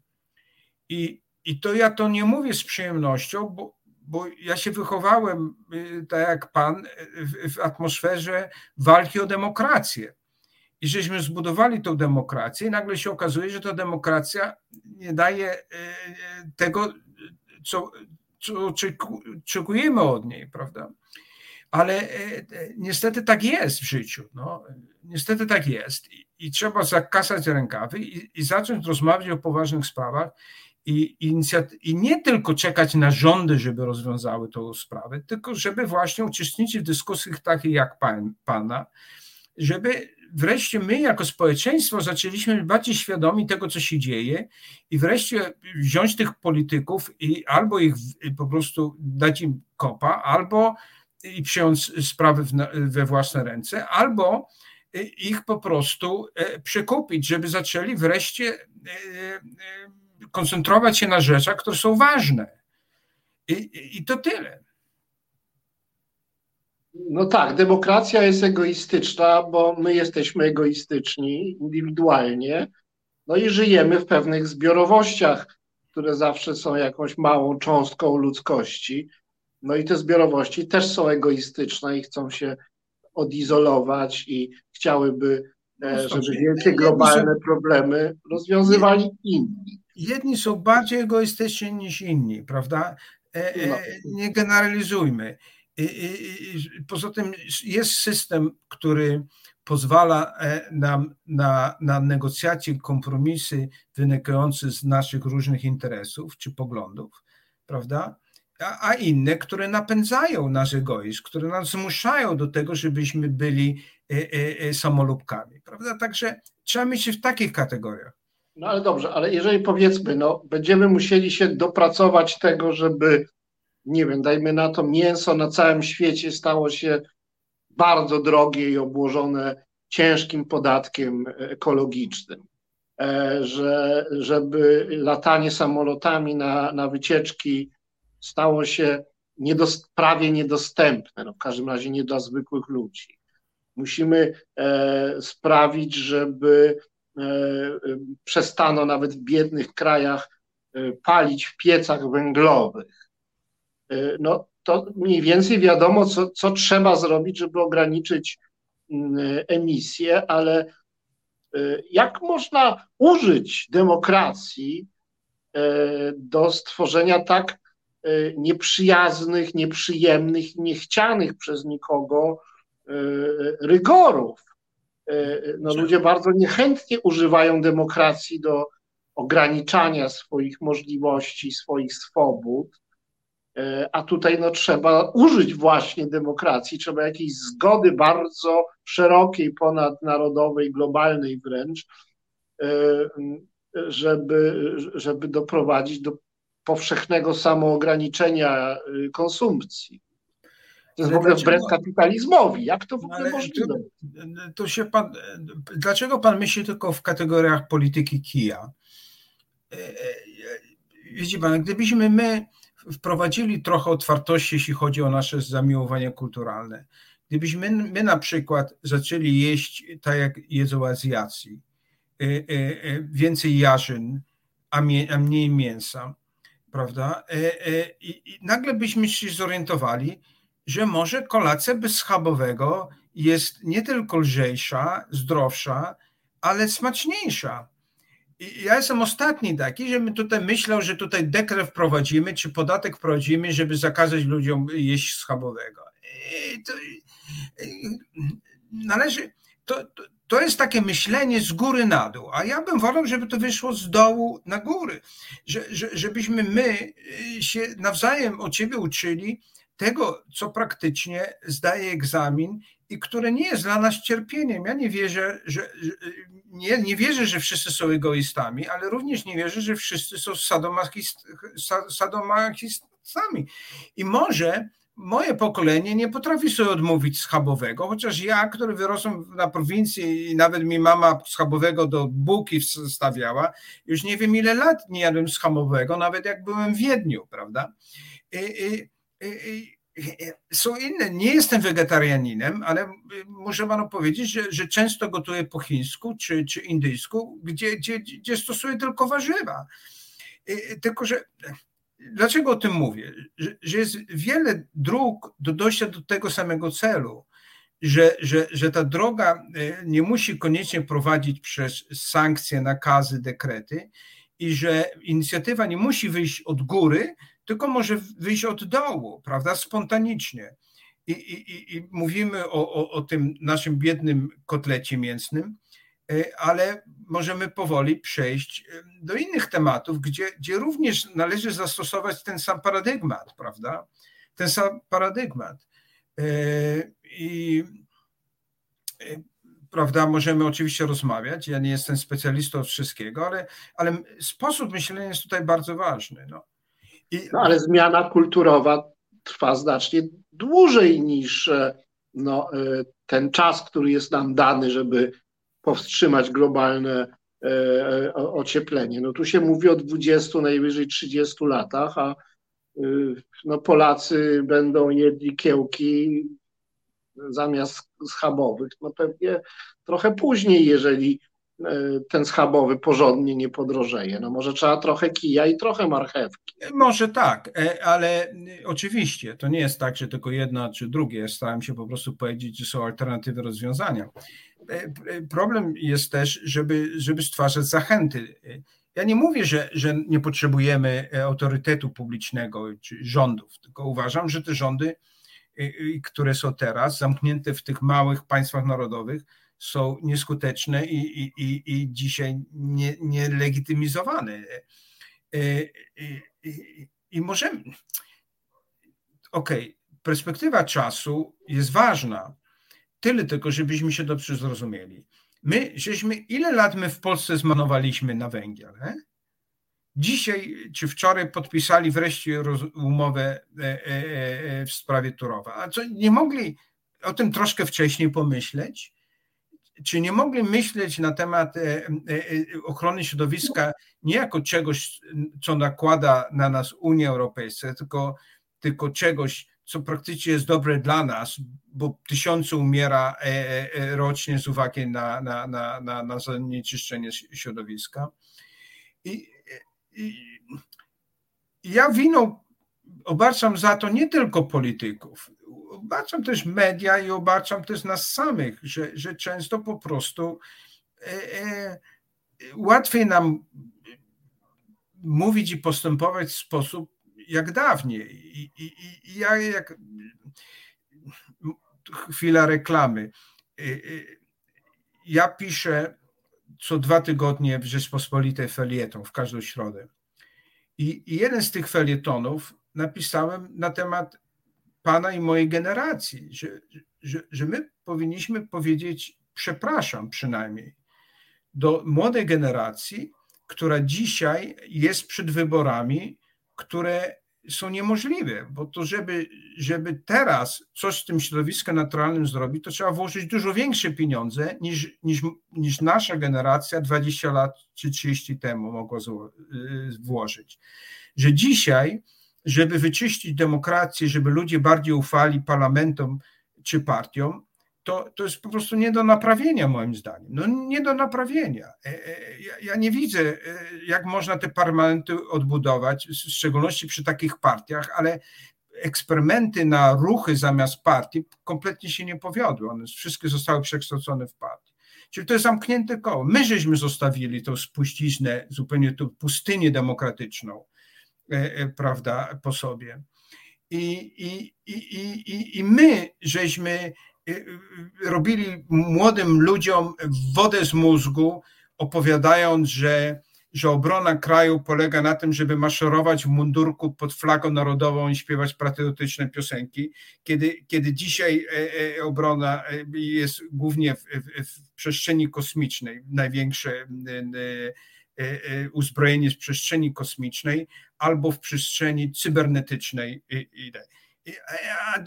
A, jeszcze ile lat y, temu włożono, zainwestowano w nasze siły terytorialne? Właściwie nie wiem, y, y, jaki to ma e, związek z obroną i bezpieczeństwem obywateli.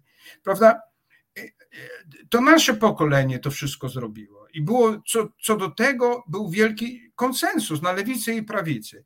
Ja już nie mówię o tym, że i na lewicy, i na prawicy żeśmy poświęcali e, wszystkie prawa człowieka, jak tylko na przykład e, e, nasz wielki sojusznik postanowił, żeby gdzieś się tam wpakować w jakąś awanturę militarną, albo żeby, żeby stworzyć więzienia, w których można ludzi torturować i u nas, prawda? I wszyscy na to, prawda, powiedzieli, o tak, no oczywiście, to, to my żeśmy zrobili, prawda? Zostawiliśmy pustynię intelektualną i, i, i, i dla, dla naszych pokoleń, chociaż i pan, i ja, naszym obowiązkiem było tym pokoleniom powiedzieć prawdę.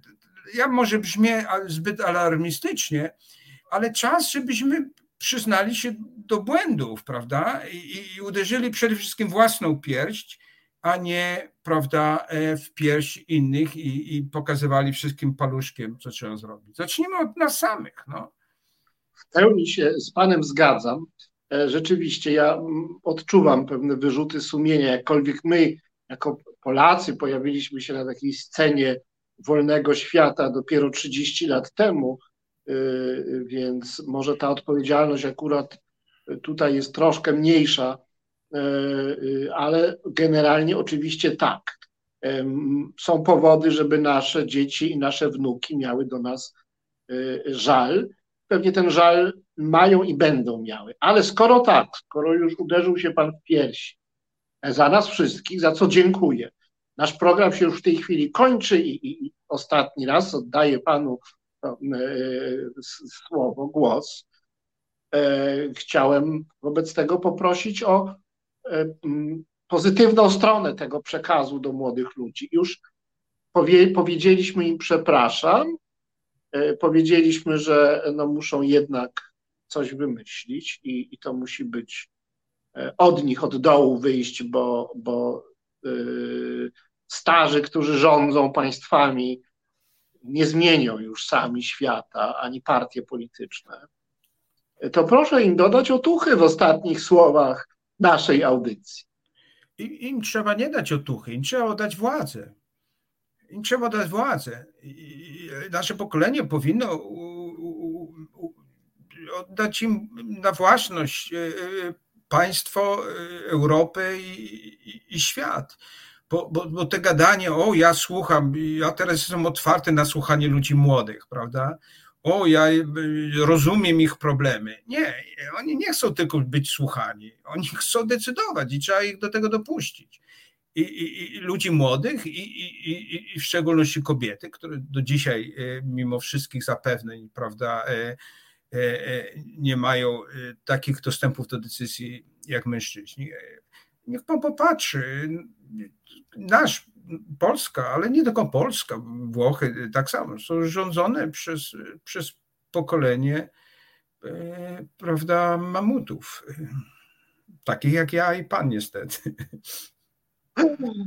No doczekałem się, drodzy Państwo, zostałem mamutem. E, cóż, dobrze, tu spróbuję jakoś z tym żyć. Drodzy Państwo, naszym gościem dzisiejszym wydaniu Mondrali 4 lutego 2022 roku był pan profesor Jan Zielonka z Oksfordu, a w tej chwili także z Wenecji. Bardzo dziękuję panie profesorze za poświęcony nam czas, dziękuję za rozmowę i dziękuję państwu. Dziękuję. W Oksfordzie jeżdżę tylko na rowerze, pamiętajcie to. Do widzenia. Do widzenia. Reset Obywatelski.